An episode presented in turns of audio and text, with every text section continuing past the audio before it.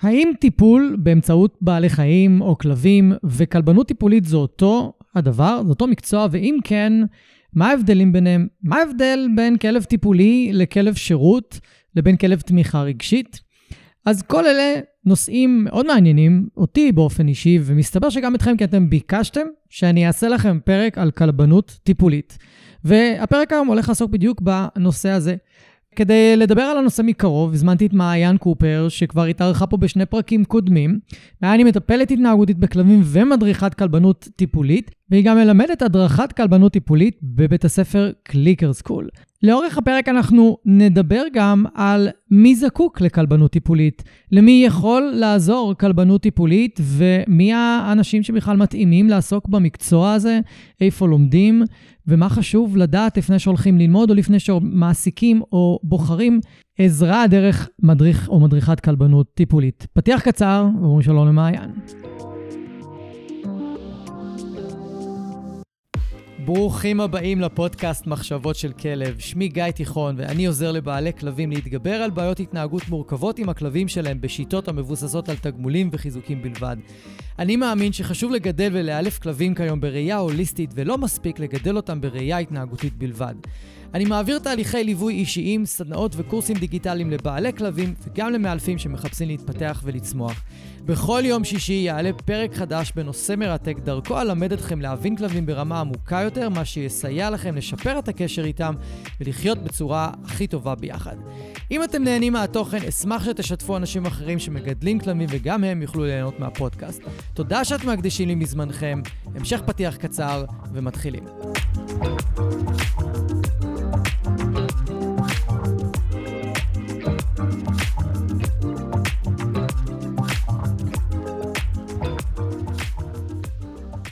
היי מעיין, ברוכה שבה לפודקאסט. איזה כיף, תודה רבה, כיף להיות פה. מעולה, מעולה. האמת שהנושא הזה עלה מתוך הקהל שמאזין לפודקאסט, עשינו סקר בקבוצת מחשב, יש קבוצת וואטסאפ, מחשבות של כלב, מי, ש... מי שרוצה או רוצה להצטרף, יש קישור למטה בתיבת טקסט, איך להצטרף.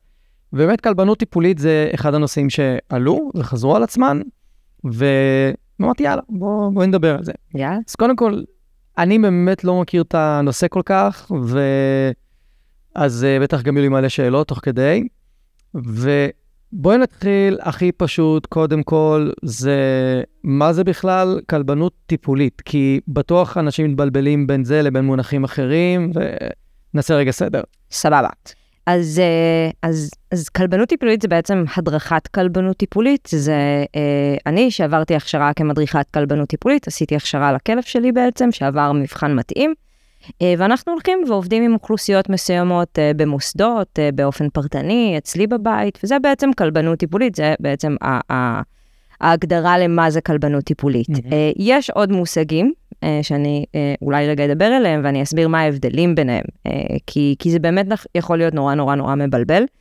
Uh, כמו למשל uh, כלב שירות, uh, כלבי שירות זה עולם אחר לחלוטין, זה כלב שמוכשר ספציפית לבן אדם מאוד מאוד מאוד ספציפי, כמו כלב נחייה. אה, ופשוט מלווה אותו כל החיים שלו. זה, אה, ו, ועונה לו על צרכים מסוימים, כמו למשל אה, מזרק אינסולין, אינסולין למי שיש התקף סכרת, שיש לו, שסובל מסכרת, הכלב יודע לקרוא את זה, לדעת מתי זה מגיע, ללכת ולהביא את המזרק. אז זה נגיד כלב שירות. אוקיי. אז נגיד, כן. זה כמו כלב שיודע לזהות התקף אפילפטי, כן. למשל זה כלב שירות. כן, כי בדיוק. זה נגיד רואים, רואים די הרבה. נכון. אבל פה בארץ אני לא כך רואה הרבה כלבי שירות, זה לא תחום כזה מפותח? אז עכשיו הוא uh, קצת יותר מפותח, אני לא בתוך התחום הזה, אני בטח לא אדע להגיד עליו הרבה, אבל הוא הרבה יותר מפותח עכשיו, uh, קצת uh, מתחילים להיות יותר חוקים ברורים, מי כן, מי לא, למי מגיע, uh, מה זה אומר, שזה חשוב בעיניי נורא. Okay. כן. Uh, אנחנו גם uh, כרגע באיזשהו ניסיון uh, לפתח גם איגוד לכלבנות טיפולית, כדי שגם על זה יהיה קצת יותר בקרה, כי גם זה תחום שהוא פרוץ. Mm-hmm. אנחנו רוצים ככה לעשות אותו יותר מקצועי, יותר אתי, גם לאנשים וגם לכלבים. אה, ויש עוד איזשהו אה, שם של משהו שלא קיים בארץ, שזה כלב תמיכה רגשית. Mm-hmm. אין כזה דבר בארץ, לא קיים כזה, אבל כן בתוך עולם הכלבנות הטיפולית, יש הרבה פעמים אנשים שנגיד מגיעים אליי ורוצים שיהיה להם כלב בבית, שהוא יהיה הכלב הטיפולי שלהם, הכלב התמיכה הרגשי שלהם. ואז בעצם אני עושה הכשרה של כלב לבית. הוא לא צריך בהכרח אה, לדעת לעשות דברים, אלא פשוט להיות שם, לענות על איזה שהם צרכים מסוימים בבית, לא מבחינת דברים שהוא עושה, מבחינת האופי וההתנהגות שלו. צריך להיות אה, אה, חברותי, אה, רגוע, יציב, נעים לסביבה. אה, לפעמים אה, גם אה, אומרים, טוב, אין איזה בעיה שיהיה איזה בעיה או שתיים, אבל בוא נגיד שאני לא אביא לבית כזה כנראה כלב שעלול לנשוך מישהו. אוקיי, okay, אז יש, אז, מה, מה ההבדל תכלס בין כלב, בין קבלות טיפולית ל, לכלב שירות? כאילו, אם אפשר איזה דוגמה, כן. או... אז, אז כלבנות טיפולית בעצם אנחנו מסייעים, אנחנו, אה, אה, להגיד טיפול, זה, זה, תכף נדבר על ההגדרה הזאת של טיפול, כי זו הגדרה קצת בעייתית, אבל אנחנו מסייעים, אנחנו נותנים כלים, אה, בעצם אה, דרך עולם הכלבים להתמודדויות שונות ויומיומיות. אנחנו כן מגיעים גם לתהליכים רגשיים בדבר הזה, אבל אנחנו לא אומרים שזה טיפול רגשי. אה, סתם לדוגמה, אה, הבדל בין כלב טיפולי לכלבי שירות. אה, מישהי שמתמודדת נגיד עם אה, איזושהי אה, חרדה, נגיד, אה, ועכשיו יש לה כלב בבית, ואני רוצה שהכלב יוכל, נגיד יש לה חרדה לצאת מהבית, אוקיי? או חרדה להישאר בבית, זאת אומרת, יכול להיות both ways. והיא רוצה כלב שייתן לה את המענה הזה ביום-יום, בין אם זה להישאר ב- ב- ביחד איתו בבית, ואז בעצם להתגבר על הפחד מלהישאר לבד בבית, או לחילופין, לצאת החוצה ולהתמודד עם דברים אחרים שיש בחוץ, וכשיש לך כלב שהוא בעצמו מלא בביטחון והולך איתי בכיף בחוץ, ואפילו חברותי, ואולי מייצר שיח, אז אני יכולה פה בעצם לתת כלים להתמודדויות יומיומיות, למשל, mm-hmm. כזה דבר. אוקיי, okay, אבל אז זה לא כלב שהוא נועד לאיזושהי מטרה מאוד ספציפית שקשורה לאיזה מחלה או איזה תפקיד, לא. הוא, הוא פשוט שם כדי... לסייע בכל מיני דברים יומיומיים. כן, לפעמים זה יכול להיות גם אפילו בהתבוננות בכלב. אם אני שנייה הולכת למה שאני עושה, שאני הולכת ועובדת עם אנשים, אה, בין אם זה מסגרות, או שוב, אצלי בבית בקליניקה, אז לפעמים הכלב לא שותף אפילו למפגש, הוא פשוט. נמצא שם, יכולים להתבונן בו, אנחנו, עצם העובדה שאנחנו מקשיבים לו, שומעים אותו, דברים שיכולים להרגיע, להוריד לחץ דם, זה משהו שהוא מובהק, זה מדעי, שלהסתכל כן. על כלב או לגעת בכלב אה, ממש מוריד לחץ דם. זה מפיג בדידות לפעמים, ושוב, הכלב לא חייב להיות איתי או לעשות איתי משהו, פשוט להיות שם. כן, אז בעצם את באה עם הכלב בכלבנות הטיפולית. הכלב שלך הוא הכלב הטיפולי במרכאות. נכון. ואת באה איתו. נכון. ודרכו את עוזרת לאנשים שאת מטפלת בהם בעצם. נכון. אני, זה, זה שוב, זה או שאני באה איתו, או שהם מגיעים אליי. לפעמים אני כן עובדת גם עם הכלב של הלקוחות, לצורך העניין. אם יש להם והוא מתאים. אם יש להם, בדיוק. לפעמים, גם אם הוא לא מתאים, הוא כבר שם. כן. אז אנחנו בעצם, דרך הטיפול בכלב, יכולים לתת כלים אה, אה, להתמודדויות שונות ולסייע לדברים. אז, אז בעצם, בכלבנות טיפולית אנחנו אה, מסייעים לאנשים דרך הכלב, נכון. להתמודד עם כל מיני דברים שהם חווים ביום-יום, איזה שהם קשיים, אתגרים, ובשונה מכלב שירות, שזה מה שאני יודע, זה כלב שצריך לעבור הכשרה מאוד ארוכה, וצריך להכשיר אותו לתפקיד הספציפי שאותו מייעדים. נכון. פה בכלבנות הטיפולית הכלב לא עובר איזושהי הכשרה בהכרח. לא. אה, תראה, אה, אה, בתור מי שעוברת הכשרה כמדריכת כלבנות טיפולית, אז גם הכלב שלי יעבור איתי, כי הוא כן צריך מבחינה התנהגותית, כן. לא מבחינת של הדעת עכשיו שהעברת, זה לא רלוונטי לי, אבל הוא כן צריך מבחינת האופי שלו, להיות מסוגל לעבור איתי מקומות, ללכת איתי למקומות, לאהוב בני אדם, לאהוב לעבוד. כלב לא אוהב לעבוד או לא אוהב בני אדם, כן. לא צריך להיות שם. Uh, אבל זה כן צריך, זה, זה נקרא המשולש הטיפולי. בסופו של דבר יש שם אותי, יש שם את המטופל או את מי שנמצא איתנו, ויש את הכלב. וכולנו צריכים בסופו של דבר להיות שותפים ולהרוויח, ובעיניי זה יחס הדדי לכל דבר. ולרצות להיות שם. ולרצות להיות שם, בדיוק. אוקיי. Okay. אבל עדיין את מתארת, נגיד מרשל, mm-hmm. או כלב טיפולי, את מתארת כלב שהוא בעיקר צריך שיהיה לו טמפרמנט ואופי מסוים. נכון. ואם אין לו את זה, אז לא בטוח שכמה שננסה להכשיר אותו, הוא, הוא בסופו של דבר...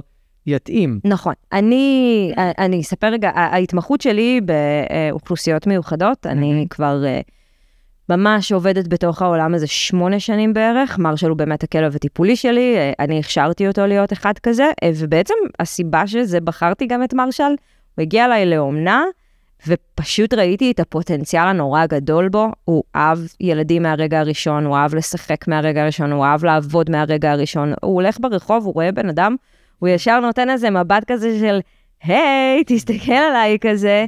ואז אמרתי, טוב, יש פה פוטנציאל אדיר, בוא נעבוד איתו על זה. Mm-hmm.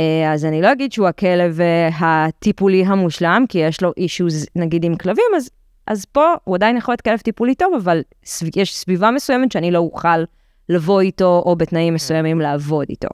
אה, תמיד אני אגיד שכדאי שלא יהיה גם לצורך העניין ריאקטיביות לכלבים, כי זה סתם מקשה פשוט על, על המדריך כלבנות טיפולית אחר כך ללכת ולעבוד, אבל זה לא משהו שיפסול אותו בעיניי ככלב טיפולי, לצורך העניין. Okay. אוקיי. מעולה. וכשדיברת קודם על כלב תמיכה רגשית, אז אני, אני מבין, נכון? זה שההבדלים זה שזה כלב שאת תבחרי למשפחה. נכון. ומתוך הצרכים של המשפחה הזאת, בין אם מיוחדים או לא, זה לא משנה. נכון. ו... אבל זה יהיה הכלב שלהם.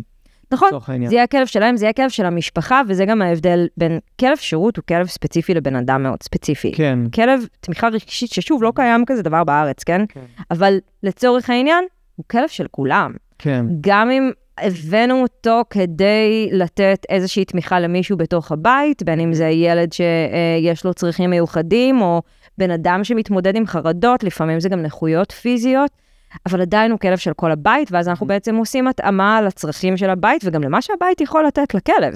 כן, את יודעת, את מזכירה לי סיפור מלפני המון שנים, הכלב כבר לא חי היום, שהלכתי עם uh, משפחה שיש לה ילד על הספקטרום, גם קוראים לו, לא, לא נגיד את השם שלו בעצם, והלכנו לבחור כלב מגזע מסוים, והלכנו לבית גידול, ואף אחד מהגורים לא התקרב לילד. ביקשתי מהילד להיות במרכז החדר, ובוא נראה מה קורה. כאילו אמרתי, אם זה ילד על הספקטרום, ויש לו מן הסתם צרכים מיוחדים, נכון. והוא מאוד אוהב כלבים, ומאוד רוצה ללטף ולגעת בכלבים, ואז אף אחד מהגורים לא בא אליו, אמרתי, רגע, רגע, לא נראה לי. ואמרתי לאמא, תקשיבי, זה, זה לא... זה... חריג. זה חריג, זה... אני חושב שזה סימן לא כל כך טוב. אני לא רוצה לבחור מפה גור. חד משמעית. והיא אמרה, אתה יודע מה, אני, איזה מזל שבאת, אני בכלל לא הייתי חושבת על זה. שאף אחד לא ניגש ל, כן. לילד שלי. אמרתי לה, אוקיי, בואי נבוא פשוט עוד פעם. כאילו, יש, תהיה עוד המלטה, ויש כבר עוד המלטה, ועוד חודשיים-שלושה יהיו עוד גורים בגיל שאפשר לקחת. בואי נבוא פשוט עוד פעם. באנו עוד פעם, עשינו את אותו דבר, ביקשתי מהילד לשבת ב... במרכז החדר, עלה עליו גור, נשאר עליו. זהו. קיבל ממנו ליטופים, ולא הלך, אמרתי לה, ואז הסתכלתי עליהם, אמרתי לה, את רואה? כאילו, זה ההבדל. נכון. וכשאת מדברת על ההבדלים, אז אני אומר, אוקיי, עזרתי להם פשוט לבחור כלב, סוג של תמיכה רגשית. חד משמעית. הוא לא כלב טיפולי, הוא לא מטפל, הוא לא עושה שום לא. דבר. אבל הוא כן. זאת אומרת, נכון, זה בדיוק העניין, אבל נכון. הוא כן בדרכו שלו, מבלי שאנחנו צריכים לעשות באמת שום כן. דבר איתו. נכון. זה, זה ההוויה שלו, זה מישהו, זה עובדה שהוא כלב, וכל מה שכלב מביא איתו. את יודעת שאת מדברת על זה, ואני חושב על זה, ואני חושב על, על לעזור לאנשים לבחור סתם כלב לבית. אז אני חושב שהשאלה הראשונה שאני שואל אותם היא, מה אתם רוצים? מה אתם צריכים? נכון. מה אתם אוהבים לעשות עם הכלב? כי אם הכלב לא יענה על הצרכים האלה, היא תהיה חוסר התאמה. כן. אני חושבת שבסופו של דבר כולנו מביאים כלב הביתה. על צורך. כן, בין אם זה צורך של uh, שיהיה לי כלב ואני אוכל לטפל בו כי אני אוהבת כלבים, או בין אם זה שיהיה לי כלב לחברה, או לכל דבר אחר, אבל אני חושבת שכל כלב בסופו של דבר נכנס לבית מצורך מסוים בבית. כן, לגמרי. אוקיי, אז נחזור רגע לעולם של הכלבנות הטיפולית. כי גם יש עוד מונח שאני שמעתי, ואני אשמח שתסבירי מה ההבדל, אם זה אותו דבר, וזה טיפול באמצעות כלבים או בעלי חיים. אוקיי, okay, אז בגדול, זה אותו דבר, mm-hmm. רק שמי שאין לו הכשרה כמטפל רגשי, פסיכולוג, עובד סוציאלי, אה, תרפיסט, כל דבר כזה, אה, לא יכול לקרוא לעצמו מטפל. זאת אומרת, mm-hmm. אני עברתי הכשרה כמדריכת כלבנות טיפולית. למדתי מבואות פסיכולוגיה, למדתי גישות שונות בעולם הטיפול, אבל לא עברתי עכשיו ממש הכשרה תואר כמטפלת רגשית, אז אני לא קוראת לעצמי כזה, אני גם לא מתיימרת להיות אחת. כזאת, כי...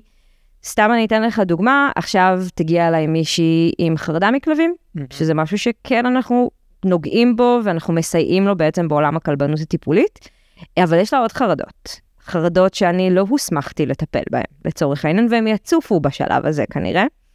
ואם אני לא אדע לטפל בהם כמו שצריך, אני גם יכולה לעשות נזק לאותו בן אדם. Mm-hmm. ולפעמים גם חרדה מכלבים, היא יכולה להיות כל כך קשה, שזה לא יספיק ההכשרה שלי. Mm-hmm. ואז בעצם צריך להכניס פה מישהו שהוא מטפל רגשית. יכול להיות שכבר קיים שם, ואז אנחנו עושים איזשהו שיתוף פעולה ביני לבין הפסיכולוג, הפסיכיאטר, לא משנה מי.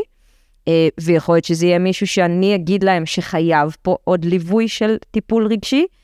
ויכול להיות שזה מישהו שהוא הוסמך כמטפל רגשי, וגם עבר קורס כלבנות טיפולית, ואז זה, זה בדיוק זה. Mm-hmm. אז זה אותו דבר, פשוט ההגדרות הן שונות. אוקיי. Okay. אז בשורה התחתונה, טיפול באמצעות בעלי חיים יכול להיות רק על ידי, מי, רק על ידי אדם שיש לו הסמכה לטיפול? כן. והוא עבר... טיפול פרופר אני מדברת, כן. כן, ההכשרה הרלוונטית. נכון. הלך וקיבל הכשרה. באמת, וכלבנות טיפולית או מדריך? מדריך כלבנות טיפולית, בדיוק. איפה לומדים את זה אגב? בתי ספר למקצועות הכלבנות, אה, גם אני מרכזת קורס כלבנות טיפולית אה, בבית ספר קליקר סקול, אה, וכל בית ספר קצת מלמד את זה נורא שונה. אני כן אגיד שאנחנו ממש שמנו דגש כן נורא גדול על הכשרת המדריך כלבנות טיפולית, שכן יהיה לו את כל מה שהוא צריך כדי לגעת בכל המקרים. אה, אז אולי לא יקרא לעצמו מטפל, אבל הוא כן הוסמך כ... אה, בין אם, שוב, גישות שונות בפסיכולוגיה, מיומנויות הדרכה, איך, איך מגיעים, איך עושים את זה. וזה לא הכשרה עכשיו של שלוש-ארבע שנים, זה הכשרה של שנה mm-hmm. פלוס מינוס, שוב, תלוי בית ספר. Mm-hmm.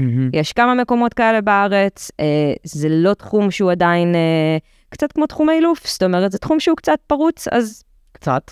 קצת הרבה, אני עדינה. אז כל אחד יכול לקום עכשיו ולהגיד שהוא פותח בית ספר לכלבנות טיפולית. כן. אה, וזאת בעיניי אחת הבעיות הקשות. אה, אנחנו ממש ממש בימים אלה, בדיוק השבוע הייתה פגישה אה, של כמה אנשים מהתחום, כמה ראשי בתי, בתי ספר וכמה מדריכי כלבנות טיפולית שעובדים המון שנים בתחום. ואנחנו מנסים לעשות איזשהו איגוד מסוים, שכן יהיה איזשהו תקנון, שכן יהיה איזשהו חוקיות. אה, שכן, זה התחיל להיראות קצת יותר מקצועי ולא ככה הלאה בבאללה, מה שנקרא. אוקיי. Okay. אז אם מישהו רוצה ללכת ללמוד כלבנות טיפולית, מה, מה הוא צריך לבדוק לפני? אז קודם כל, מי שהולך ללמוד כלבנות טיפולית אה, צריך לעבור הכשרה מקדימה. כמאלף, או אנחנו נגיד בתוך הבית ספר בנינו גם קורס מקוצר. זאת אומרת, הרבה פעמים מגיעים אליי אנשי מקצוע שהם אה, עובדות סוציאליות למשל, mm-hmm. נורא רוצות להכניס כלבים לתוך הטיפולים שלהם, mm-hmm. אבל הן לא רוצות להיות מאלפות והן לא רוצות לעשות עכשיו קורס של 8-10 חודשים אה, אה, באילוף, אז אנחנו פשוט בנינו איזושהי נגזרת מתוך הקורס אילוף, mm-hmm. שהיא מקוצרת יותר, הם לא מקבלים תעודת מאלף בסוף, אבל הם כן יכולים להתקבל עם זה לקורס כלבנות טיפולית. Mm-hmm. צריכים הכשרה מקדימה, צריכים לדעת מה זה כלב ואיך עובדים עם כלב ומה הצרכים של הכלב, כי יש פה עוד מישהו חי עם רגשות וצרכים בתוך הדבר הזה. כן, זה אה, מאוד חשוב בעיניי, כי כן, כן. פגשתי כמה כלבנים טיפוליים שלא קיבלו הכשרה על אילוף, לא קיבלו הכשרה על שפת גוף כלבית, העולם הרגשי של כלבים, איך כלב חושב, וזה היה מאוד ניכר. זה לא הגיוני בעיניי כן, גם, כן? בעיניי זה היה לא הגיוני. אז יכול להיות שיש מקומות שמלמדים בתוך הקורס כלבנות טיפולית בילד אין כבר את הדבר הזה, אבל אה, רובם הגדול, לא לפי מה שאני יודעת, בטוחה שיש. גם איך אפשר בקורס של שנה להספיק ללמד את כל... אי אפשר. אי אפשר, הקורס שלנו של הכלבנות טיפולית הוא רק שנה ורבע, רק הטיפולית. Mm-hmm. זאת אומרת, אני חושבת שהוא בין הארוכים בארץ. אה, ויש את הקורס המקדים גם, ששוב, או שזה נלך על ארבעה חודשים, או מישהו שבאמת אומר, אני גם רוצה להיות מאלף. ואז הוא עושה כבר את כל הקורס המלא, ואז מתקבל. התנאי השני הוא, הוא, הוא כלב. כן. אי אפשר לעבוד בתחום הזה בלי כלב. אישי, כי... כלב שלנו. כן. אני לא יכולה עכשיו לצאת מקורס וללכת לעבוד במקום בלי כלב. Mm-hmm. בסופו של דבר, הוא השותף שלי לדבר הזה. כן. יש הרבה שקוראים לזה כלי. אה, לי קצת קשה עם להגיד על כלב שהוא כלי, הוא לא כלי מבחינתי. אה, הוא שותף, אבל בלי השותפות הזאת, אני לא יכולה ללכת לשום מקום ולעבוד בזה.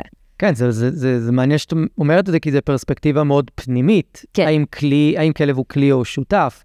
כלב יהיה כלי אם אני לא רואה אותו, והוא פשוט שמה ואני משתמש בו. בדיוק. לעומת שהוא שותף, שלפעמים אני אומר, אוקיי, לא מתאים לי ללכת עם הכלב שלי פעילות כזו או אחרת, נכון. או לשים אותו בסיטואציה הזאת, זה לא טוב לו, זה לא בריא לו, זה יפגע בו בהמשך. לפעמים גם קורה סיטואציות בתוך פעילות, לא יודעת. אה, לי... צריך אה, אה, לעצור. שצריך לעצור, או שצריך לתת לו הפסקה רגע, או שלפני כמה זמן אה, עשיתי פעילות בהתנדבות, האמת שזה פוסט שאני כבר הרבה זמן רוצה לרשום, וזה עולה עכשיו, אז, אה, אז הנה פעם ראשונה שאני מדברת על זה, זה אה, התנדבתי בפעילות. מהמם. אה, פנו אליי אה, כזה שהם מחפשים מישהו כלבן, כלבני טיפוליים מתחילים, שרוצים אולי להתנדב בפעילות עם איזושהי אוכלוסייה רגישה. אה, ונורא התחברתי ואמרתי, יאללה, אני אבוא עם מרשל, כאילו, ו... ו... ובאתי מהצפון, עוד גרתי אז בגליל, באתי מהצפון עד לשרון, אה, לפעילות הזאת, והגענו, ולא, ה setup של הפעילות לא היה נכון לנו, אה, אבל אתה יודע, זה התנדבות, אז באים ועושים מה ש... באנו לשמח. בסופו של דבר באנו לעשות להם כיף, לשמח, לא היה פה שום מטרה, זה מפגש אחד של שעה. מהמם. אה, אז היה מלא אנשים, ומרשל היה מאוד מוסך, והיינו אחרי נסיעה ארוכה, והיה ביצה קשה שם על השולחן, ומרשל כל כך אוהב ביצים קשות. אבל נתתי למרשל את המקום שלו. זאת אומרת, שהוא רצה ללכת רגע הצידה, הלכתי איתו הצידה והסברתי את זה. זאת אומרת, הוצאתי את זה החוצה, ואני חושבת שזה כלבנות טיפולית. מהמם. שאני מסבירה להם שמרשל עכשיו קשה לו, והוא הולך רגע הצידה, ואני נותנת לו ללכת הצידה, כי בשביל שיהיה לו יותר טוב, תחשוב מה זה אומר ספציפית עכשיו על האוכלוסייה שאנחנו עובדים איתה.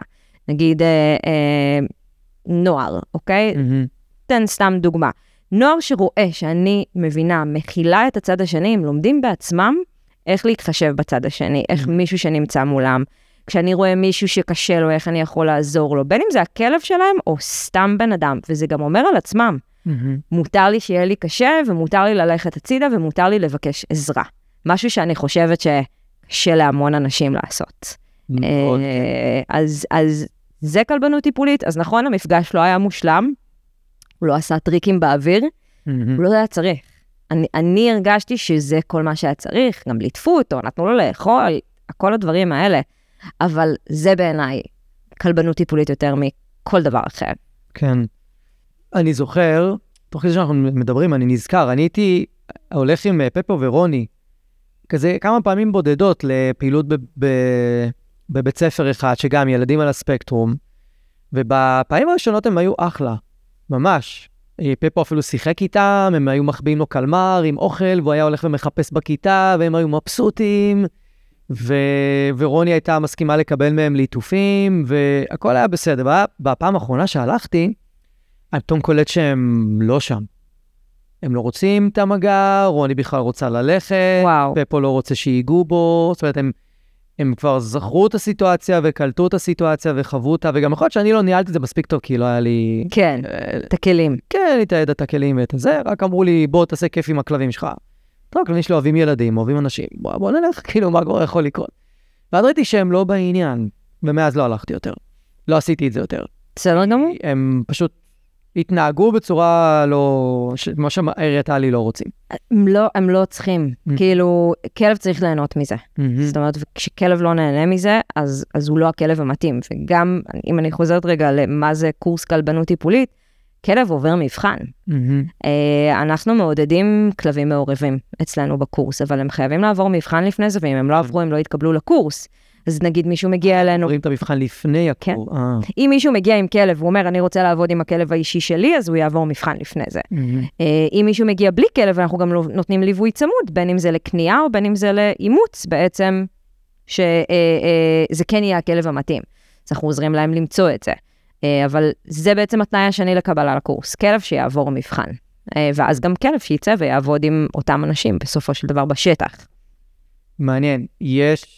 אוקיי, אז, אז התחלנו קודם מאיך אנחנו בוח... איך, איך לבחור נכון. מקום ללמוד. אז דיברת על כל מיני דברים, יש עוד דברים שצריך לדעת?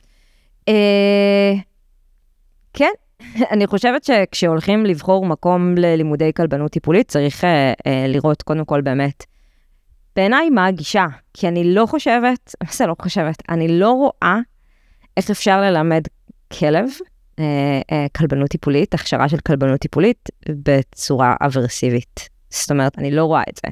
אז אני חושבת שצריך לראות שבאמת הלימודים נעשים אה, עם חיזוקים חיוביים ובגישה החיובית ולא באברסיה כלפי הכלב, כי בדיוק ממה שדיברנו עכשיו, הוא צריך ליהנות מזה. אה, אז זה, זה אני וההשקפה שלי והדעה שלי, אה, כן לראות שיש ליווי בתוך הקורס. בסופו של דבר בקורס כלבנות טיפולית עושים התמחות באוכלוסיות. אז כל בית ספר יש לו את החלק של הסטאז' שלו, חלק עם יותר, חלק עם פחות. אם אין ליווי, ליווי של איש מקצוע. אצלנו בקורס יש את חן צוברי, שהיא uh, גם מאמנת פורס uh, פרי, אבל גם עובדת סוציאלית. Mm-hmm. Uh, עכשיו בדיוק uh, תתחיל את התואר השני שלה. Uh, אבל היא נותנת ליווי מההתחלה ועד הסוף. כי התמודדויות עם אוכלוסיות שונות גם מעלה אצלנו פתאום קשיים רגשיים ומעלה קשיים מול הכלבים שלנו, וזה גם הכלב שלנו שנמצא שם. ובכללי, כל מי שמתעסק בעולם הטיפול, אה, בין אם זה מטפל או מדריך כלבנות טיפולית, צריך ליווי כזה או אחר במקרים מסוימים, כי צריך לאבד את זה, ולא תמיד אנחנו יודעים בדיוק מה לעשות ואיך לענות ואיך להגיד. אה, גם אחרי הקורס אני מדברת, צריך לקחת ליווי. כן, בתשלום, לשלם למישהו, פסיכולוג, פסיכיאטר, אולי אפילו כלבן או כלבנית טיפוליים שהם המון שנים בתחום, אבל מישהו שייתן ליווי לדבר הזה. אז גם בקורס, בתוך, תוך כדי שעושים סטאז', אה, וזה בעצם התמחות עם אוכלוסיות שונות, צריך שיהיה שם ליווי. אם אין ליווי, אני שמעתי על המון אנשים שיצאו מבתי ספר, לא היה להם את הליווי הזה, והם פשוט לא עבדו בתחום אחר כך. כי הם כל כך נבהלו ממה שהם חוו שם. כי יכול להיות דברים שהם לא נעימים לפעמים, לא יודעת, ילד צועק, בטעות אה, משכו לכלב בזנב, זה קורה. אה, בלת"מים של המקומות, זה לא הגיע, זה כן הגיע, אם אין ליווי, אז אז אתה לא רוצה להיות שם, כי זה לא נעים לך. Uh, אני אתן דוגמה על הקורס שלנו, שממש עכשיו התחילו את החלק הראשון של הסטאז', והם עשו את זה עם נוער. והיה הרבה בלת"מים של המקום, הילד לא הגיע, לא, לא, לא דברים שהמקום יכול להיות אחראי עליהם. ילד לא הגיע uh, מסיבותיו שלו, אבל הסטודנט שלנו בא לעשות פרטני. Mm-hmm. הדרכה פרטנית עם הכלב שלו, ופתאום הילד לא הגיע. תחשוב שהוא היה מגיע לבד לשם. בלי מישהו מאיתנו איתם, בלי ליווי צמוד שלנו למקום. הוא היה מתבאס, הולך הביתה ולא רוצה לחזור יותר. Mm-hmm. במקום זה, יש לנו מדריכה מטעם הבית ספר, שם איתם, פותרת את הבעיות, אני מרחוק כמובן נותנת. אמ, אני חושבת שזה שני דברים, אולי אפילו שלושה דברים, כי זה גם סטאז', זה גם ליווי וגם עניין הגישה, שהם בעיניי נורא נורא נורא חשובים שהולכים ללמוד טיפולית. וגם הכשרת המדריך כלבנות טיפולית, זאת אומרת, זה לא רק להכשיר כלב, לך תעשה איתו טריקים ותעשה שמח, כאילו גם מבחינת מבואות פסיכולוגיה ומיומנויות הדרכה, אה, זה דבר נורא נורא נורא חשוב. אני מסכים, אני רוצה גם שנתמקד עוד קצת בעניין של, ה, של הגישה, בלאמן את הכלב בגישה שהיא פורסרי, לעומת לכלבנות טיפולית, לעומת לאמן אותו בשילוב של אמצעים אברסיביים, שמשלבת אולי ענישה, עם אולי עם אה, תיקונים, או נזיפות, או חנק וכאלה. כן. לי זה ברור. אבל, אבל בואי, ת, תסבירי רגע מהנקודת מבט שלך ונפתח את זה קצת, כי אני חושב שזו הזדמנות מאוד טובה לדבר על, ה, על ההבדלים בגישות. למה כלב, מה הבעיה יותר נכון, בסדר, אז הכלב יקבל פה תיקון, שם תיקון, שם יכריחו אותו, כאילו, בשביל לעשות את הכלב, כן. בשביל להיות הכלב הטיפולי. מה, מה הסיפור? אז קודם כל, אני חושבת ש... בגלל שלענישה יש אה, תופעות לוואי, ואני יכולה, נגיד, לצורך העניין, אני הולכת עכשיו לחשוף את הכלב שלי לילדים כדי שיאהב ילדים, ואז אני נותנת לו תיקון. מה זה תיקון? תיקון זה משהו לא נעים. איך שלא נסתכל על זה, זה משהו לא נעים. אז הכלב יפסיק לעשות את מה שהוא עושה בשביל לא לקבל את התיקון הזה, אבל הוא יכול בסופו של דבר לקשור את זה לסיטואציה, לקשור את זה לילדים, ולא ליהנות. אז אני מאבדת את כל המטרה שלי בעצם בזה שהוא גם ייהנה מזה. אה, אני חושבת שזה פוגע גם בקשר.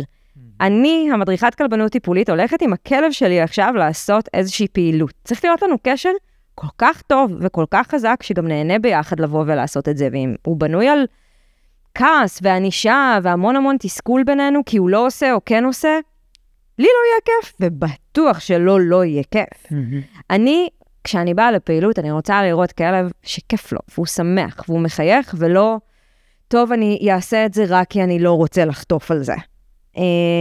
לסיים עם זה כמה שיותר מהר. אוקיי, כן. כמו שקורה בקבוצות אילוף, כן. למשל. אה, אז, אז זה אולי נראה יפה בעין, אבל מי שמבין שפת גוף כלבית, מבין שהכלב שם רק כדי לסיים את זה, או רק כי הוא מרגיש שהוא חייב ולא כי הוא רוצה. כן. אמ, ושוב, אם אנחנו מסתכלים על זה בקטע של כלבנות טיפולית, הוא לא באמת צריך לדעת יותר מדי, הוא פשוט צריך להיות. ברור שאנחנו מלמדים אותם התנהגויות, ואנחנו מלמדים אותם גם טריקים, כי זה חלק מדברים שאנחנו עושים בתוך העולם הזה. אבל הם לא חייבים לדעת את זה. הם ואני- צריכים בעיקר להיות. הם פשוט בעיקר צריכים להיות, להיות שמחים, ליהנות, להביא את עצמם לתוך הדבר הזה, בין אם הם נורא אנרגטיים או נורא לא, הם צריכים לדעת לא לקפוץ על אנשים, כי אנחנו עובדים עם אוכלוסיות כמו הגיל השלישי, שזה מסוכן אם הם יקפצו. מן הסתם, אפס תוקפנות, ובגלל זה אני אומרת, אם הכלב תוקפן, אין פה עניין של חינוך, פשוט לא צריך להיות שם. כן, שאפילו לא חייב להיות תוקפן, הוא פשוט יכול להיות פחות סבלני. נכון. נגיד כמו פפו, הוא לא תוקפן, אבל הוא לא סבלני למגע פולשני ולמגע זה, אז הוא לא יכול להיות, למרות שהוא, הכלב שכלפי חוץ, כן. הוא נראה מושלם. או שהוא יכול להיות בתנאים מאוד מאוד מאוד ספציפיים, לא עם מטופל אחד נגיד, שאני אגיד לו, בפפו אנחנו לא נכון. נוגעים. יש לי את ג'סי, ג'סי בבית, היא לא כלבה טיפולית, היא לא עברה שום הכשרה, אבל היא מאוד אוהבת אנשים, היא מאוד אוהבת מגע, אבל היא גם כלבה עם המון המון חרדות מהעבר הטראומטי שלה. אני מקבלת לפעמים מטופלים בבית, ו... ואני עובדת איתה המון, כי היא מלמדת אותם על איפוק מול דברים, היא מלמדת אותם על מרחב אישי, לכבד מרחב אישי, על לא לגעת במי שאני, מי שלא, רוצה עכשיו שיגעו בו. והיה לי איזה ילדון חמוד שהיה מגיע אלינו כל יום שישי, כשעוד היינו גרים אה, בינוב, והיה מגיע כל יום שישי אלינו למפגשים. עבדנו איתו ילד נורמטיבי לחלוטין, בעיות קשב וריכוז, חכם בצורה מטורפת וקשיים קצת חברתיים. הוא היה מגיע אלינו, ומרשל תמיד היה אומר לו שלום, ואפילו החתולה שלי תמיד הייתה משתפת איתו פעולה, וג'סי, בפינה שלה בספה, במבט של, אל תסתכלו עליי. אני לא חלק מהדבר הזה, ודווקא איתה הוא הכי רצה לעבוד. ברור. וזה לימד אותו שזה בסדר שאני אומרת לו לא, והוא צריך לקבל את הלא שלי, כי אי אפשר לעבוד עכשיו עם ג'סי, אבל אפשר להסתכל עליה מרחוק. זאת אומרת, נתתי לו גם חלופה. אז הוא יכול להבין שגם אם אומרים לו לא על משהו, יש אופציה תמיד אחרת. Mhm. יש תמיד מה כן אני יכול לעשות. בסוף, אני חושבת שממש היינו לקראת הסיום, היא כבר לקחה ממנו חטיפים, הוא כבר ליטף אותה, כאילו אפילו יצרנו אינטראקציה ביניהם. אז אני חושבת שכן כלב שהוא אולי לא הכי אוהב מגע, לא יתאים לכל סיטואציה, אבל אפשר גם מהם אה, לקחת המון המון המון כלים, אה, ושהם יסייעו לנו בכל מיני דברים. כן, זה באמת נשמע מדהים. אנחנו באמת יכולים ללמוד כל כך הרבה מיומנויות תקשורת דרך כלבים, אנחנו פשוט מטורף. מסתכלים עליהם. אני נותן תמיד את הדוגמה לאנשים שאני מסביר להם על אה, התנהגות displacement אצל כלבים. אז אני אומר להם, כלבים יכולים להסתכל על הרצפה, לרחרח את הרצפה, ללכת להריח צמיג פתאום של אוטו שלא קשור לשום דבר.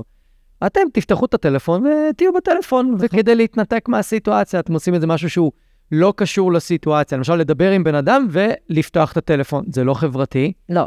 וזה לא, זה לא מקובל תקשורתית לעשות את הדבר הזה. זה הפך להיות מקובל, אבל זה לא. זה נקרא התנהגות שלא קשורה לסיטואציה, ואז הם אומרים, אה, הם מתחילים לראות כאילו את עצמם דרך כן? הכלב.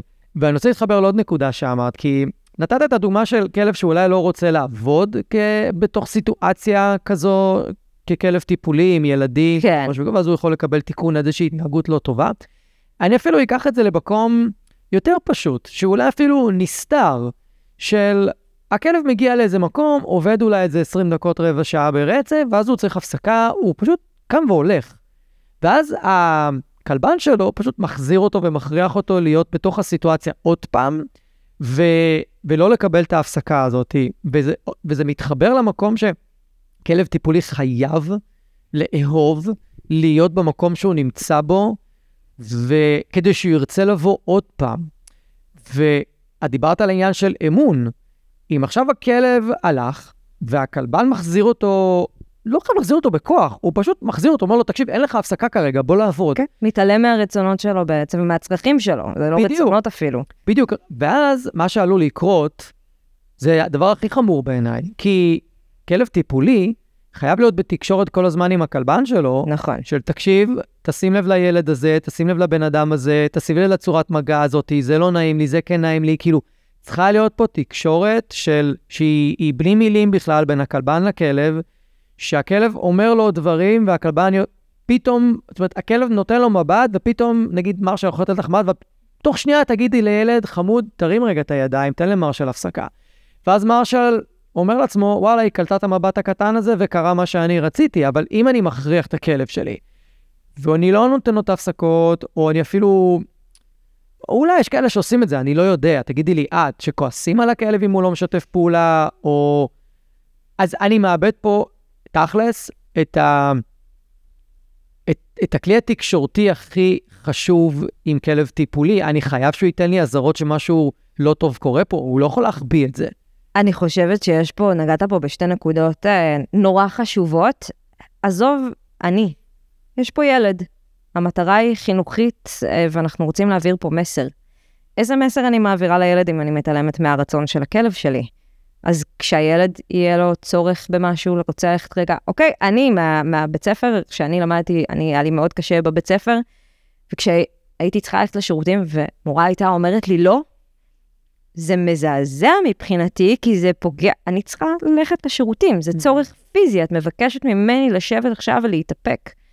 ואני ממש זוכרת את זה כ, כמשהו שהוא, אז, אז אותו דבר בינינו לבין הילד לבין הכלב בעיניי, כאילו אם הכלב עכשיו מבקש ממני לצאת החוצה, צריך פיפי, צריך לשתות, צריך אוויר רגע. בעיניי זה מסר חינוכי מהמם להגיד לילד, אוקיי, בוא נעצור רגע, הוא צריך הפסקה, בוא נתחשב במישהו אחר, בוא נתחשב באחר בצד השני, בזולת. זה ילמד את הילד לגדול ולהיות אחד כזה שמתחשב באחרים. וזה מהמם בעיניי, וזה מסר חינוכי נורא טוב. אה, ואמרת מקודם אה, הפסקות. Mm-hmm. אז אנחנו עכשיו באמת מנסים לייצר פה איזשהו איגוד בארץ. ותוך כדי זה אנחנו קצת אה, גם, משם שעובד מאחורי הקלעים, בדקו קצת מה קורה בחו"ל. שזה יש שם מקומות שיותר מוסדר העניין של הכלבנות הטיפולית, ויש תקנון ויש חוקים, והם אה, תרגמו אחד מהם אה, לעברית, אני מודה שלא עברתי על הכל, אבל אני כן יודעת בוודאות שהיה שם סעיף על הפסקות. Mm. שמי שעובד כמדריך כלבנות טיפולית, חייב לאפשר הפסקות לכלב שלו. כחלק מהדבר הזה, חייב להיות פה ראיית הכלב, וחייב להיות פה המרחב של הכלב והרווחה של הכלב. אי אפשר להתעלם מזה, אם הוא שותף איתנו לתוך התהליך הזה. Mm-hmm. זה פשוט חייב להיות. וזה לא קשור לגישות אילוף, זה קשור לגישה כלפי הכלב האישי, כאילו שלך או כלפי הכלב שעובד איתך. זה... זה... כן, אולי, אולי לנו או לך זה נראה מאוד טריוויאלי לתת הפסקה לכלב. נגיד, אם אני אקח את זה לעולם שלי, אז בקבוצות אה, תרגול של כלבים ריאקטיביים, חייבים לעשות שם מלא הפסקות. אחרי כלבים לא רוצים לבוא. כן. ודיברו איתי וסיפרו לי אנשים על אה, קבוצות שהם היו הולכים עם הכלבים שלהם, שכלב לא רוצה לצאת מהאוטו, שכלב קולט שרוצים לקחת אותו לקבוצה ביום הקבוע, בשעה הקבועה, הוא לא רוצה לצאת מהבית, הוא הולך ומתחבא. כן. אצלי אין כזה דבר. אף אחד לא מדווח על הכלב לא רוצה לבוא, הכלב לא רוצה לצאת מהאוטו, אין כזה דבר. ובין היתר, זה כי הם מקבלים הפסקות ומאוד מאוד קשובים. לגמרי. מה שהם מביעים באותו רגע, ו... ולפעמים אפילו הכלב לא אומר לי, תן לי הפסקה, אבל אני מסתכל על השעון ואני אומר, בוא'נה, כבר עובד רבע שעה רצוף, לא שמתי לב, הפסקה עכשיו, דחוף. חד משמעית. כאילו, והפסקה זה לא בוא נשב בצד ו... לא, זה רגע נרח ריח, זה רגע נעשה סיבוב.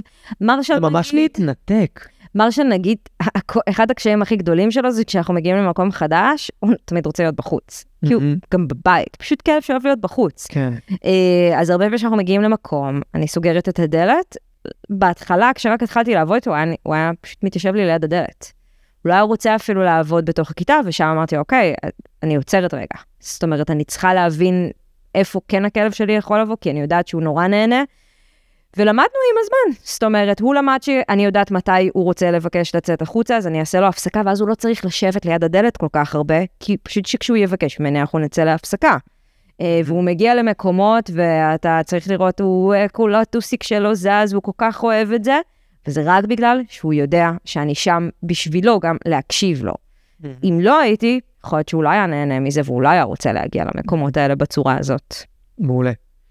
אה, את הזכרת מקודם את הנושא של שיתופי פעולה. Mm-hmm. ש... כי את, את אמרת, אני לא מטפלת מוסמכת, אין לי הכשרה לטפל, אז איך השיתופי פעולה האלה עובדים בעצם? אם אולי, אני בטוח שיש כמה כלבנים טיפוליים שמקשיבים, אז, או כלבניות, אז זה יכול כן. לעזור. אז שוב, קודם כל, אני בטוחה שאני לא יודעת כמה יש, אבל אני בטוחה שיש אנשים שהם בעצמם מטפלים, שגם עובדים עם כלבים, ואז זה, זה יכול לענות על כל, ה, כל הדבר הזה. אה, אבל זה יכול להיות או שאם אני מגיעה לטיפול של חרדה, שאני בטוחה במיליון אחוז שצריך שם גם טיפול רגשי, אז אני אשאל.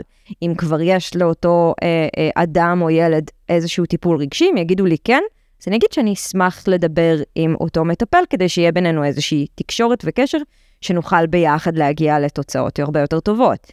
אם אין, אני אמליץ. אני לא אקח טיפול שאני חושבת שהוא חייב טיפול רגשי, בלי שיש גם טיפול רגשי. Mm-hmm.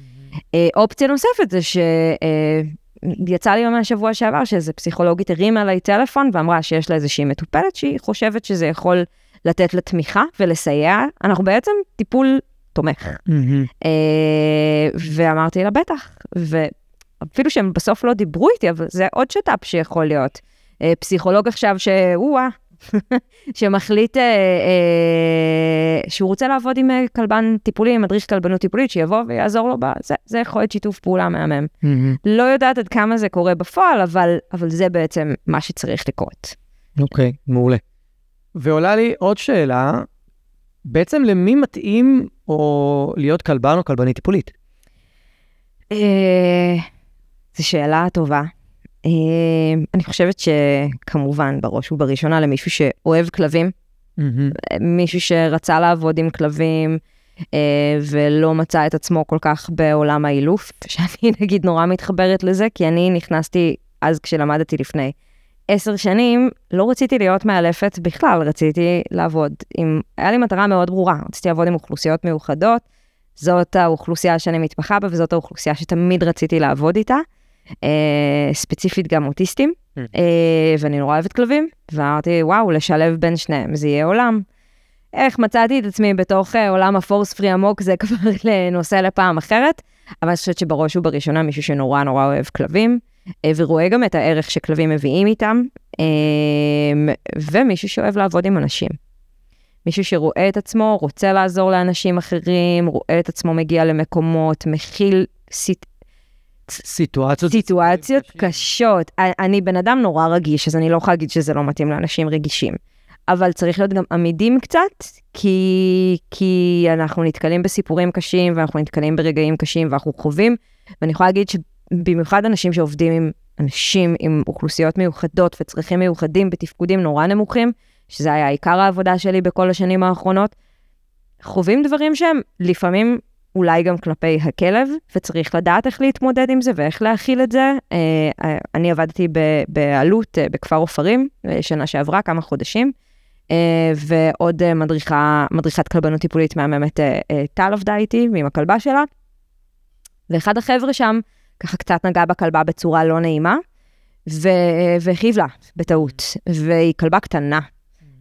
והיה לה ממש לא נעים, והיא ממש הסתגרה בעצמה, וזה היה נורא קשה להכיל את זה גם בתור מישהו שעבד עם הכלבה, כי לא הייתה שם שום כוונה, גם הוא לא התכוון לעשות לה שום דבר רע, והוא לא אשם והוא לא עשה שום דבר לא בסדר. היא לקחה את זה mm. לא פשוט, ואז גם אה, לצורך העניין טל הבינה שהיא לא תעבוד יותר עם האוכלוסייה הזאת, כי היא קטנה מדי, היא רגישה מדי, ובגלל זה גם לא כל כלב מתאים לכל אוכלוסייה. אה, אז זה גם משהו שחשוב לקחת בחשבון שנכנסים לכלבנות טיפולית, כי סתם, אם יש לך כלב נורא נורא קטן פיזית, וזאת האוכלוסייה שאתה הכי רוצה לעבוד איתה, לא בטוח שזה יתאים בכל מצב ובכל מקום, במיוחד בשביל הכלב וגם בשבילם, לצורך העניין.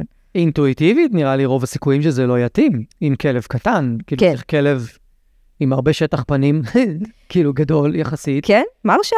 כן. מרשל לא מרשל, יש לי דוגמה אה, ממש טובה. Mm. אה, באותו מקום, בעלות, אני, אני לא הייתי מביאה את מרשל איתי, כי זה היה ימים נורא ארוכים, ומרשל כבר בן שבע, והוא כלב נורא גדול, הוא 50 קילו, אז הוא לא יוצא כמעט מהבית בכלל לפעילויות, אני רק מקבלת בתוך הבית איתו. אה, אז לא לקחתי אותו איתי לשם, כי זה היה איזה 6-7 שעות רצופות. יש לי אה, לקוחות שהם כבר ממש כמו משפחה, יש להם גולדנית מושלמת בשם לוקה. אה, ושאלתי אותם אם בא להם שאני אקח, אמרו לי כן, היא לא עברה היא גולדנית מהממת, שזה אגב התאמת כלבה לבית. כן. אה, שאין לו איזה צריכים מסוימים, יש לנו שלוש בנים, ילדים, היה לה פעם גן ילדים, ורצו כלב שמתאים לכל הדבר הזה, והלכנו על לוקה, ולוקה שלמות הכלבה הזאת, ו... וזה יצא ממנה. אז פשוט איך שהגעתי איתה למקום, פתאום, וואו, אני יודעת מה לעשות, בוא נעבוד. כאילו, משהו בגזע הזה, אין מה לעשות. ויש שם uh, מישהי שיש לה קושי בוויסות uh, חושי. זאת אומרת שהיא נוגעת, היא נוגעת חזק. Mm. היא לא מרגישה, ובשביל להרגיש שזה ממש... עכשיו, כשהיא הייתה נוגעת בלוקה, היא הייתה דוחפת את כל הגוף של לוקה כלפי מטה. וזה מן הסתם לא היה נעים ללוקה, ואז פשוט הייתי מתחילה לשים את היד שלי בינה לבין לוקה, ולתת לה קונטרה עם היד, לתת לה את התחושה מתי זה די. Mm-hmm. אחרי כמה חודשים, היא התחילה ללטף את לוקה בצורה עדינה. זאת אומרת, אשכרה הצלחנו לגרום לה להבין, בחורה אוטיסטית שמתפקוד נורא נמוך, שחיה המון שנים עם מבוגרים שם, ואשכרה ראית את זה, כאילו, וזה זה אחד הדברים הכי מרגשים שיכולים להיות. אבל זה כן להבין שגם אנחנו צריכים לדעת איך להתמודד עם זה באותה סיטואציה, בלי איזה היסטריה עכשיו, ולא להראות של אוי ואבוי, כי אני גם לא יכולה בפורום הזה עכשיו לעשות דרמה, אני צריכה להיות קרת רוח. הייתה לי איזו סטודנטית ששנה שעברה אמרה לי, זה מדהים לראות ששום דבר אה, לא, לא קשה לך או מפריע לך. אמרתי לה, זה לא אומר שזה לא קשה לי או לא מפריע לי, זה אומר שאני כרגע מבינה שאני לא יכולה להראות את זה כלפי חוץ. כן. זה המקצועיות שלי, וזה מה שאני צריכה, אני צריכה להיות עם חיוך על הפנים ולשדר עסקים כרגיל. אחר כך, אני אלך ואעשה את העיבוד הזה עם עצמי, ואני חוזרת רגע לליווי הרגשי. כן. הליווי הרגשי הוא גם לזה. לא רק לליווי של מה אנחנו עושים עם ה... כן. כן. זהו, אני, את אמרת מקודם שאת, זה, מת- שאת רגישה, אז את לא, לא תבואי ותגידי שזה לא תחום ש, שהוא לא מתאים לאנשים רגישים. מתאים מאוד לאנשים רגישים, אני חושב שזה הכרחי. כן, אי אפשר להיות טפלון, שום דבר לא נוגע בי. אבל גם, אבל כן צריך להיות אנשים ש... שמבינים שהם צריכים לדבר מול אנשים, והם ידברו עם אנשים, והם צריכים להיות גם עמידים לדבר הזה קצת. כאילו להבין ש... שיהיו דברים כאלה, פשוט לדעת לקראת מה הם באים. אה, אני חושבת גם שהרבה ממי שבסוף הולך ללמוד אה, כלבנות טיפולית, זה אנשים שמתמודדים עם עצמם בחיים עם משהו כזה או אחר. אני לא יודעת איזה אנשים לא מתמודדים היום עם משהו, אבל אנשים שבאו עם איזשהו רקע מסוים, אה, ושמצאו את הכלבים פתאום בעולם שלהם אה, כ... כ... לא יודעת, גלגל הצלה. כן, אני, אני חושב שגם uh, מי שהוא כלבן טיפולי, אז אני גם רואה את זה בעבודה שלי, כי אני מתמודד עם, עם בעיות לא, לא פשוטות שיש לאנשים עם הכלבים שלהם, וזה מעורר אצלם חרדות ורגשות קשים, ומעורר הרבה דברים לא פשוטים. ואני ממש צריך, הייתי צריך ללמוד להפריד את עצמי מהסיטואציה ולהפריד את עצמי ממה שהבן אדם חווה. זאת אומרת, להיות אמפתי כלפיו, אבל אני לא יכול עכשיו להיכנס למסע הרגשי שלו. נכון. אחרת, אני אגיע הביתה, ואני בלופ של הבן אדם, ו- וזה בכלל לא שלי. לא, זה לא שלנו. כן, ואני חושב שצריך לייצר שם איזושהי נפרדות, ואז באמת, ה... לא נפרדות, זו לא המילה הנכונה. לא, אבל אה, לדעת איך לאבד את זה בצורה כזאת שזה לא יפגע בנו ברמה האישית. כן. אז באמת טיפול רגשי לנו הוא, הוא באמת... נכון, בגלל זה גם אמרתי שממש חשוב בעיניי ליווי צמוד בקורס כזה, כדי שיהיה את זה. כן. אה, כי, כי קורים דברים, אין מה לעשות, זה, זה, אין פה, אני תמיד אומרת, זה לא מדע מדויק, כאילו, זה, זה אנשים, רגשות, כלבים, יצורים חיים, אנחנו לפעמים מגיבים כתגובה למשהו שמעורר בנו משהו, אז קורים דברים. ברור שאנחנו נעשה הכל כדי לשמור על כל הצדדים ולתת את המרחב הכי בטוח, גם הכי פתוח. אבל צריך גם ללמוד שאנחנו נתמודד לפעמים עם שיח קשה, או משהו שקרה, או... או לפעמים אפילו ליווי הורים. זאת אומרת, כן. אם אנחנו מדברים פה רגע על לקחת ילדים, אנחנו עושים גם הדרכת הורים וליווי הורים בדבר הזה לפעמים. כן. לפעמים יש שיחות שהן קשות או לא נעימות, או שפתאום מספרים לי משהו שהוא לוקח אותי למקומות שלי, אולי, ו- ואני צריכה גם לדעת איך להתמודד עם זה ולא לתת לזה החוצה. גם זה בסדר לא לקחת כל מקרה. כמו, כמו בעולם האילוף, גם בעולם הכלבנות הטיפולית, להגיד, אוקיי, לא מתאים לי, כן. להעביר הלאה, כאילו זה ממש בסדר. כן, לגמרי. אוקיי, אז אנחנו כזה לקראת סיום, ומי שנשאר איתנו עד עכשיו, בואי נדבר על מי האנשים שכדאי להם, מומלץ להם, שווה להם, יכולים מאוד להתערם, מלבוא לקבל אה, טיפול ממדריך אה, כלבנות טיפולית. אני חושבת שכולם, כל הגילאים, כל האנשים, כל האוכלוסיות, אני יותר אולי אגיד על מה אנחנו עובדים ואיזה דברים אנחנו יכולים לתת אה, ואיזה כלים אה, אנחנו יכולים לתת. אה, וזה החל מפיתוח מיומנויות חברתיות ותקשורתיות, עד להעצמה אישית וחיזוק ביטחון עצמי, אה, ויסות רגשי חושי, כמו שגם נתתי את הדוגמה אה, של הבחורה. אה, כל מיני התמודדויות יומיומיות, ואנחנו יכולים לתת להם כלים דרך עולם הכלבים, או עם הכלבים איך להתמודד, נכויות פיזיות, אה, מוגבלויות שכליות, אה, בעיות קשב וריכוז, נורא נפוץ. ואנחנו בעצם עובדים עם הכלב, תוך כדי שאנחנו עובדים על... אני, יש לי בעיות קשב וריכוז קשות, אז אני הכי כאילו מבינה את זה. בעצם, הכלב גורם לנו לדעת איך להתמודד עם זה. זה לא יפתור לי את הבעיות, אבל זה ייתן לי כלים איך להתמודד איתם. אה, ולשפר את זה לצורך העניין. אה, מוטוריקה עדינה, אה, עובדים הרבה פעמים עם הכלבים, בין אם זה עם היד, בין אם זה הליכה, בין אם זה שהכלב נותן לי את הביטחון לזוז. השראה, אוקיי? לקחת סיפור של כלב, לקחת ממנו השראה איך להתגבר על קשיים. חרדות, פוסט-טראומה, בריאות הנפש, הגיל השלישי, שזה, וואו, זה אוכלוסייה שהיא מדהימה עם העולם הזה, כי, כי הם בודדים, הם לפעמים קצת מנותקים בתוך עולם שלהם, תלוי מן הסתם אוכלוסייה ותפקוד, ומשהו בכלב מוציא החוצה חיוך אפילו. שפתאום אתה רואה את החיוך על הפנים שלהם, יש לנו איזה בית אבות מקסים שאנחנו עובדים איתם בקורס, והיינו אצלם רק בסיור, אנחנו רק שבוע הבא מתחילים איתם את הסטאז'. ואחרי המפגש, וואו, כולם היו מאושרים, התקשרו אליי מהבית אבות, ואמרו לי, מעיין, מה זה, איזה חיוכים יש פה על הפנים, ואיזה כיף, הם כבר ממש מחכים לנו בקוצר רוח. אז איזה יופי. לפעמים פשוט להעלות חיוך למישהו על הפנים, ואין ספק שזאת חיה שבקלות בעלה חיוך, אה, גם אם היא עושה את הדבר הכי מצחיק. אה, מרשל אה, היה פעם בא איתי ל... לעמותה שקוראים לה גדולים במדים, שזו עמותה שעשיתי להם, הם עמותה שבעצם מכניסה לצבא בהתנדבות, חבר'ה שמתמודדים עם אה, כל מיני צרכים מיוחדים, והייתי עושה להם אה, כמה קורסים על כלבים. אה, ומרשל פעם אחת בא איתי לאחד הבתים שלהם, זה היה דווקא נראה לי אפילו בקורונה, שהלכנו לבקר אותם סתם. ואחד מהם אמר למרשל כזה, נו, תעשה ארצה, תעשה ארצה, ומרשל לא הבין מה הוא רוצה ממנו, והוא פשוט נשכב על הצד כזה בבום, טוב, תעזוב אותי, ופשוט כולנו צחקנו. זה הוציא איזשהו צחוק, איזושהי קלילות, ש, שזה הכל. כאילו, אתה mm-hmm. יודע, באותו רגע זה הכל מה שצריך, הוא לא עשה שום דבר חוץ מהדבר המצחיק הזה. זה אפילו מצולם לי איפשהו בווידאו, אני צריכה למצוא את זה.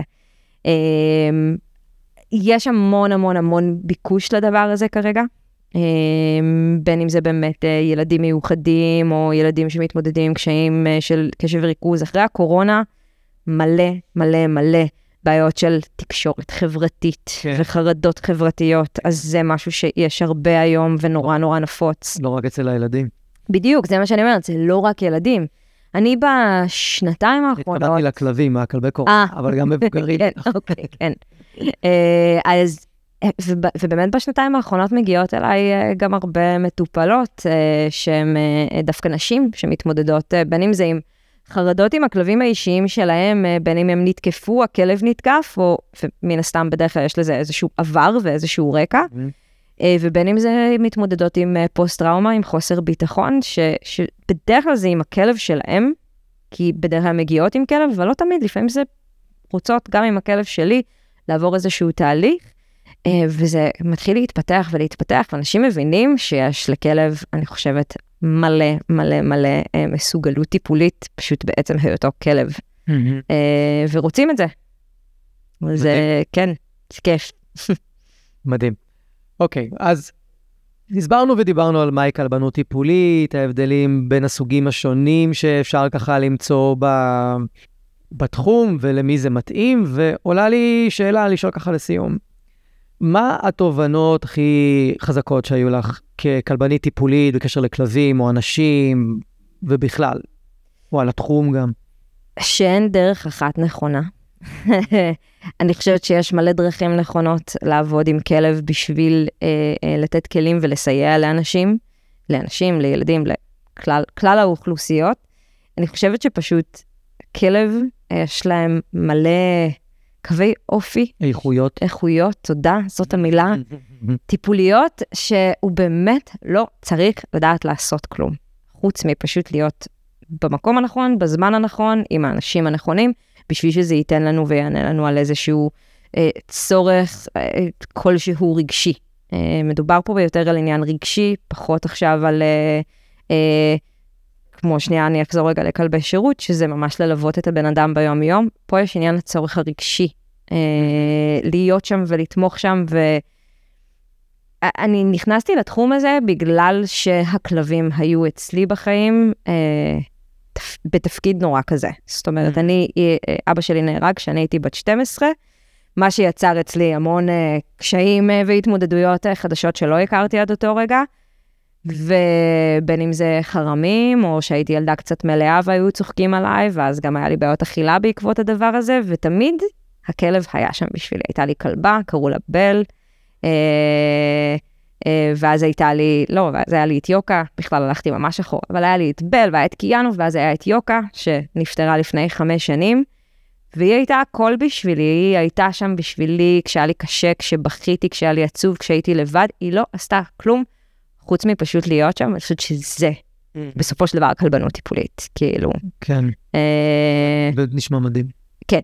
אה, והיום זה מרשל וג'סי והיא וחתולה שלי, אבל, אבל כן, כאילו, זה, זה, זה בעיניי כלבנות טיפולית, וברור שזה עולם ומלואו ויש המון מה לעשות. אה, וגם לא צריך שיהיה לכם כלב בשביל זה.